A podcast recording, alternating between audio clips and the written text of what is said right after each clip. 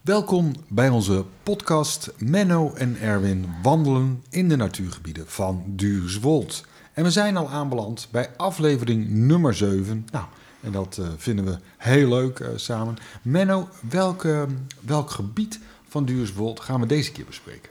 We gaan naar de Baggerputten.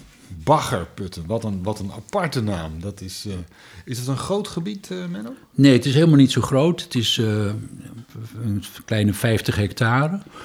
Um, en het, het, ligt in de gemeente, direct in Slochteren. Natuurlijk in de gemeente Midden-Groningen, maar in, in het dorp Slochteren.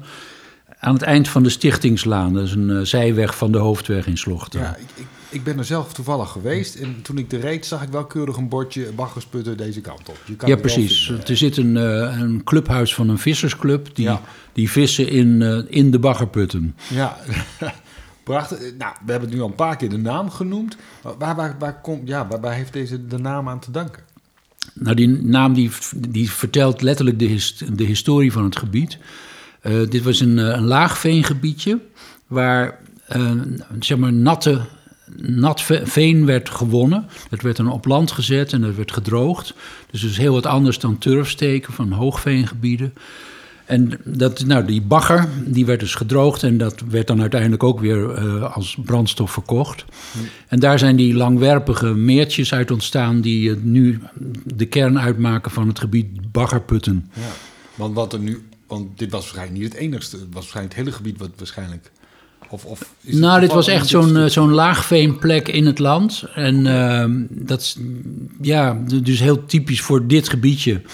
Uh, want verderop uh, zijn veel meer hoogveengebieden ooit afgegraven. Hm. Maar dit was, dit was dus letterlijk zo'n ja, zo'n nat, nat veenstukje. Ja. Oké. Uh, ja, een visclub midden in een natuurgebied. Uh, ik, ik ben niet zo'n heel erg visser. Uh, maar ik vind het, het is een mooie balans, denk ik. Of het is een, een ja, nou, Wat ik, ja, die vissers die, uh, nou ja, die doen verder denk ik niet zoveel kwaad. Ze zetten voor een deel, neem ik aan, zelf hun vis hier uit. En het grappigste vind ik altijd dat er af en toe komen visarenden hier ook langs. En die zitten dan in bomen langs die plassen. En dan, uh, ja, die oogsten dus ook wat vissen mee. Dus die, uh, die de vissers delen en braaf met de visarend. Ja, ja, Wie hem als eerste heeft, zeg maar. Ja, um, ja dit, uh, dit gebied, nou, het is duidelijk hoe het is ontstaan. Het heeft dus ook daardoor de naam gekregen. Hartstikke mooi. Um, we hebben een vraag gekregen van een van onze trouwe luisteraars. Vinden we hartstikke leuk. Kaster Swilling. Um, en die vroeg eigenlijk Menno van, niet zozeer over de baggerputten... maar wel over de bijenstand. En over eigenlijk van, ja... Wat moeten we nou met de bermen maaien? Hoe, moeten we iets uitzaaien? Hoe, hoe, hoe, kijk jij naar de bijenstand in Nederland? Nou, dat is best een klein beetje een probleem. En dan gaat het dus over de wilde bijensoorten, waarvan we er, uh, ik weet niet, uh, zeker meer dan 100 soorten hebben. Um, of hadden voor een deel. Nou, die hebben het best moeilijk, net zoals heel veel insectensoorten. En de discussie is dan een klein beetje of er concurrentie is met de honingbijen, die natuurlijk door imkers gehouden worden. En dat is een beetje, dat is een ingewikkeld verhaal. Maar waarom maak jij het onderscheid? Zijn het allemaal wilde beesten? Of? Nou, die honingbijen, die, uh, die zijn natuurlijk, dat zijn geselecteerde uh, soorten die uh, op grote schaal, um, zeg maar, de, het stuifmeel ophalen om daar honing van te maken. Ehm, die kunnen zeg maar zo'n gebied uh, makkelijk leegroven. Uh, en als het, het hangt dus gewoon van de aantallen kasten af die ergens neergezet worden. En ah, hier en daar een kast is geen enkel probleem. Maar als het een hele groot aantal kasten zijn, dan, ja, dan wordt het wel een bedreiging voor de, voor de bijensoorten die daar toevallig allemaal hun eigen kleine plekjes hebben, hun speciale plantjes waar zij op gespecialiseerd zijn. Die honingbijen zijn over het algemeen een soort generalisten. Die kunnen van alles aan. Ja. En, uh, en het gaat die imkers natuurlijk ja, eigenlijk alleen maar om de honing. Ja. Ja, begrijp ik. Ik ben een groot liefhebber van zo'n natuurproduct als honing. Ik vind het heerlijk. Maar uh, ik begrijp nu wel wat je eigenlijk zegt. Dus eigenlijk er zijn meer dan 100 bijensoorten. Maar door de imkers worden natuurlijk maar een paar gebruikt. Want dat zijn ja, waarschijnlijk weer de winnaars die, die het beste overlezen en het meeste honing. Ja, nou ja, en die, en die worden natuurlijk heel goed verzorgd, die, uh, ja. die bijenvolken. Die, die verhuizen dan dus ook uh, van een uh, lindenbloesemgebiedje naar, naar een heidegebiedje. En, dus die imkers zijn voortdurend op sjouw ermee. Ja. Maar ja, dat is net alsof je... Nou, dat is niet, geen goede vergelijking. Met sprinkhanen moet je natuurlijk niet vergelijken. Maar voor die wilde bijen is dat wel een beetje een probleem. Dat eh, Ja. hun, hun voedsel uit hun gebiedje is ineens weg. Ja. Ook hier zou je weer diversiteit moeten hebben, meerdere soorten, Ja. meerdere... eh, En, en nou, een beetje rekening houden met waar je die kasten zet. En, eh, en, en niet te, te grote aantallen. Nee, nee. Oké. Ehm, als we kijken naar andere dieren in dit gebied, eh, Menno, dan bijvoorbeeld de, de, de vogels. Is het hier, ja, het is een watergebied, half water. Ja, nou, het is, een, eh, het is een excellent gebied, zowel voor water- en moerasvogels, maar ook eh, de, de bomen die eromheen staan. Het is een mooi uitgegroeid eh, bos eromheen. En er is nog een open grasland. Ja. Eigenlijk vind je dus een heel groot aantal bro- broedvogelsoorten. Het is ongeveer 45 soorten zijn hier geïnventariseerd die hier broeden. En dat is voor zo'n klein gebiedje echt heel erg mooi. Ja. Ja, want ik, ik, heb de, ik ben er zelf dus geweest met de hond en de kinderen, zeg maar. Het is hartstikke leuk. Je kan er omheen lopen, je kan dwars ja, tussen de waters eh, wandelen. Maar er zit ook nog een heel stuk waar je meer een open gedeelte hebt. Eh, ja, een stuk wild grasland eh volgens Ja, mij. precies. En daar, nou ja, daar groeien behoorlijk veel mo- mooie orchideeënsoorten. En je vindt er ook de meeldauw, dat is dat heel bijzondere plantje wat insecten vangt. Oké. Dat staat dus ook in dat grasland. Ehm, en eh, kortom, dat, ja, dat, dat, is met elkaar best een heel erg mooie afwisseling. ehm, die ook maken dat dus heel veel vogelsoorten hun plekje kunnen vinden. En, en welke vogelsoorten hebben we het dan eh, over, Menno? Nou, eh, dan moet je dus een beetje het onderscheid maken tussen die typische bosvogels als grote en kleine bonte specht. Ehm, je hebt boompiepers, en dan krijg je de bosrietzangers en de, en, eh, de, ehm, de springhaanzanger. Dat zijn dan meer de soorten van die naar, naar langs de waterkant gaan. Er vliegt behoorlijk veel eh, roofvogels in het gebied eh, aangetroffen. Rode wouw, de visarend noemde ik al. Ja. je hebt de buizerd, havik. Ehm, Ja, ik blijf dat toch altijd prachtig vinden, hoor. Die grotere roofvogels. Als Jazeker. die voorbij komen. Ja. en, en wat het, het gebiedje is ook heel erg aantrekkelijk voor ehm, doortrekkers. Zowel in het voorjaar als in, eh, in de herfst. En dan krijg je die prachtige soorten als de draaihals, het bokje, de watersnip, de barmzeis. Nou, dat zijn toch prachtige soorten. Alleen al qua naam. Ja. Maar die kan je dus hier allemaal eh, ja, aantreffen op en om eh, dat water van de, van de baggerputten. Oké. En als we kijken naar de niet-vogels, andere dieren, zeg maar, eh, die zijn Nou, het- bijzondere... Ja, het bijzondere is dat er eh, verscholen, op een beetje op de grens van het grasland, is een, eh, is een eh, vleermuisbunker ingegraven. Die, daar zie je eigenlijk nauwelijks iets van. Maar die eh, trekt behoorlijk veel eh, vleermuissoorten aan die daar ook overwinteren. Dus daarvoor dient die bunker voornamelijk. Ik vind dat wel, dat blijf ik een, een mystiek dier vinden, zo'n Ja, zo, dat- zo'n vleermuis. Dat, dat is iets heel bijzonders. Ik bedoel, je moet je voorstellen, als wij onze armen spreiden, dan is er een huid tussen, eh, tussen onze armen en, en ons lichaam. En tussen de vingers is ook allemaal nog huid. Ja, mensen hebben dat wel eens geprobeerd, maar die zijn toch allemaal neergestort. Ja, wij zijn er iets te zwaar voor ja. dit, eh, dit avontuur. Maar vleermuizen zijn natuurlijk ongelooflijk behendige vliegers. Ze hebben die echolocatie waarmee Ja. ze geluid uitstoten en weer terug ontvangen. En dan precies weten, niet alleen waar ze vliegen, maar ook waar hun, eh, de insecten zijn die ze vangen moeten. Eh, ja, het zijn echte tovenaars wat dat betreft qua vlucht. Ja, Hoe is de stand? Heb je enig idee, Menno? Is het redelijk of, of is het zeer bedreigd? Of, of valt het Het, ging een tijd heel slecht. Het gaat nu weer ietsje beter. Eh, er zijn behoorlijk veel eh, van die beschermingsmaatregelen ehm, geweest. En de- daardoor eh, gaat het weer een beetje beter. Ze hebben ook niet meer zo'n probleem met gif wat uitgestrooid werd vroeger. Dat is ook allemaal een beetje teruggedraaid. Dus ik, volgens mij gaat het met de vleermuisstand niet al te beroerd. Nee, nee. Oké. Ehm, ik onderbrak je. Zijn er, nog, zijn er nog andere dieren waarvan je zegt, nou, dan moeten we ook even...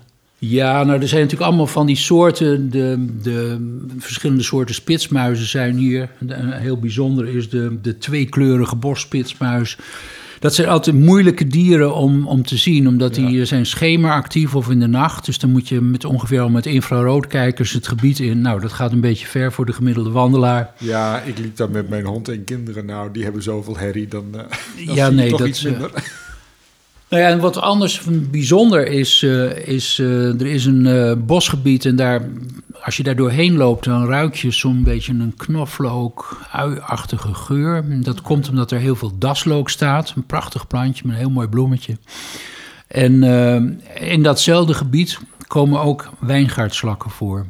En dat is eigenlijk wel heel bijzonder. Die kennen we eigenlijk alleen maar uit Zuid-Limburg, volgens mij, als ik me niet heel erg vergis. Hoe komt die uh, populatie wijngaardslakken hier? Dat weten we niet helemaal zeker. Misschien zijn ze uh, ooit losgelaten. Maar en, hoor ik hier nou eigenlijk een, een beetje Franse maaltijd opkomen? Uh, ja, dat zou je kunnen zeggen. Ja, ja, daslook met... nou ja, het is toch niet aan te raden dat iedereen daar op jacht gaat... want dan is het gauw weer afgelopen. Nee. En, en, het is op zich wel bijzonder, want uh, die, wijngaards, die grote wijngaardslak... die kent ook een kleinere uh, zustersoort, de segrijnslak. die, die komt veel algemener voor, maar de wijngaardslak zou je in Nederland niet zo vaak aantreffen. Oké, oké. Nou, ik wist niet dat we het over Frans eten gingen hebben in deze podcast. Maar zullen jullie elke keer weer iets doen? Um, dan, um, ja, we hebben het volgens mij al gehad over de planten. Um, de dieren hebben we besproken. Volgens mij dit gebied, ja, dit ligt er al een tijd zo bij, dacht ik. Uh, is hier nog ontwikkeling of zo? Dat je zegt, nou, dat is toch wel... Nou, het, gebied wordt, uh, wordt, zeg maar, houdt zich denk ik goed staande. Um, dat, dat grasland, dat moet af en toe gemaaid worden. Dat gebeurt ook, dat wordt dan afgevoerd, dat het niet te rijk gaat worden. Um, dus ik denk dat het gebiedje eigenlijk um, met een beetje onderhoud... we moeten natuurlijk zorgen dat die paden toegankelijk blijven. Die paden zijn op zich trouwens prachtig. Als je daar overheen loopt, dan voel je een beetje verende ondergrond. Ja. Dat is ook die veengrond die daar nog zit. Ja. Um, en ja, kijk, in het verleden is het nogal heel erg geweest. Want op een gegeven moment is dit gebiedje verwaarloosd geraakt. En was er geloof ik zelfs een autokerkhof. Okay. Nou, dat is opgeruimd. En inmiddels zijn we iets zuiniger op onze natuurplekken. Dus ja, wat dat betreft heb ik wel een, uh, een positief gevoel dat, uh, dat de baggerputten ons nog wel een tijd lang behouden zal blijven. Als een klein pareltje in, uh, in Duurswold. Oké. Okay. Um, nou, we kunnen het natuurlijk ook even gaan vragen. want we hebben bij de volgende podcast hebben de burgemeester aan tafel van Midden-Groningen. En we kunnen hem eens even vragen hoe het staat met de natuur in zijn prachtige ja, gemeente, zeg maar. Dus de 13 juni gaan we in Danneweer gaan wij, het boek presenteren... De natuur van Duurswold aan de burgemeester. En ja, daar hebben we zin in, Menno. Dan hebben we met z'n drieën een podcast. Zo is dat, ja. Hartstikke mooi. Zijn er nog andere dingen die je graag over dit gebied uh, kwijt zou willen? De baggerput. Ja, nou waar we het nog niet zo over gehad hebben... is uh, over de insecten. Okay. Verder, behalve die, het probleempje met de bijen... Ja. Uh, nou, het is weer typisch een gebiedje waar heel veel libellensoorten voorkomen. De blauwe glazenmaker in dit geval, okay. de bruine glazenmaker. Je kan het nog gekker noemen, de azuurwaterjuffer en de watersnuffel. Uh, die kan je hier allemaal aantreffen. Ook heel veel dagvlinders zijn er, oranje tipje. Um, maar wat ook heel bijzonder is, en dat weet ik eigenlijk alleen maar omdat we met de werkgroep een aantal avonden hier uh, s'nachts um, gekeken hebben naar uh, wat we dan aantreffen als we, als we de lamp aanzetten. En dan vind je uh, nachtvlinders. Oké. Okay. Um, in enorme aantallen soorten. Want, want hoe, hoe doe je dat? De lamp, je zet gewoon een lamp aan? Ja, je hebt een sterke lamp. En uh, een groot wit doek die je dan voor die uh, lamp zet. En dan op het witte doek komen die, komen die nachtvlinders af. Okay. En als je dan begint om een uur of in de zomer om een uur of elf, dan, ja, dan komt er een enkele soort. En dan denk je, nou, wat wordt dit? Maar tegen, tegen twaalf begint het binnen te lopen. En dan één, twee uur in de nacht. Dan weet je niet meer honderden verschillende soorten zitten er dan op dat witte doek. Waar hele grote, de grote beervlinder en van alles. Ja. Uh, ja, dan zie je een enorme verscheidenheid aan insecten die je anders eigenlijk nooit ziet. Nee. Die zijn overdag vaak, zitten ze heel onopgemerkt ergens met opgevouwen vleugeltjes te wachten tot het uh, donker wordt. Uh, Er zijn trouwens ook wel eh, heel veel nachtvlinders die ook overdag wel vliegen. Maar onopvallend, je ziet ze niet. En doordat ze daar in dat, op dat witte doek zijn, zitten, kan je ze prachtig zien. Eh, ze vervelen zich na een tijdje en vliegen gewoon weer weg. Dus, Dus je kan niet alleen sterren kijken s'nachts, maar ook vlinders. Dus absoluut, nachtvlinders. Af en toe dan eh, er staan wel eens aankondigingen op de werkgroepsite of, of, of anderen bieden dat aan. Dat je zo'n nachtvlinder-excursie kan meemaken. Dat is toch weer eh, wel heel interessant hier in onze gemeente eh, Midden-Groningen. Ehm, ja, zoals ik al zei, je kan hier gewoon goed wandelen met de hond, even aangelijnd houden. Maar het is hartstikke leuk om dat even rond te lopen. Heel divers om hier eh, te, te zien. Dus het water, eh, het veen eh, en de bomen.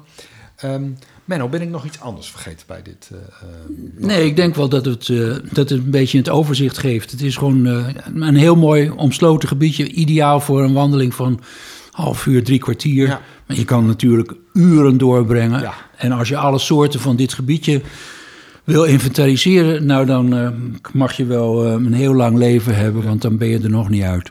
Ja, super. Dan, eh, dan sluiten we hierbij onze, onze podcast. Dit was nummer 7 over de baggerputten.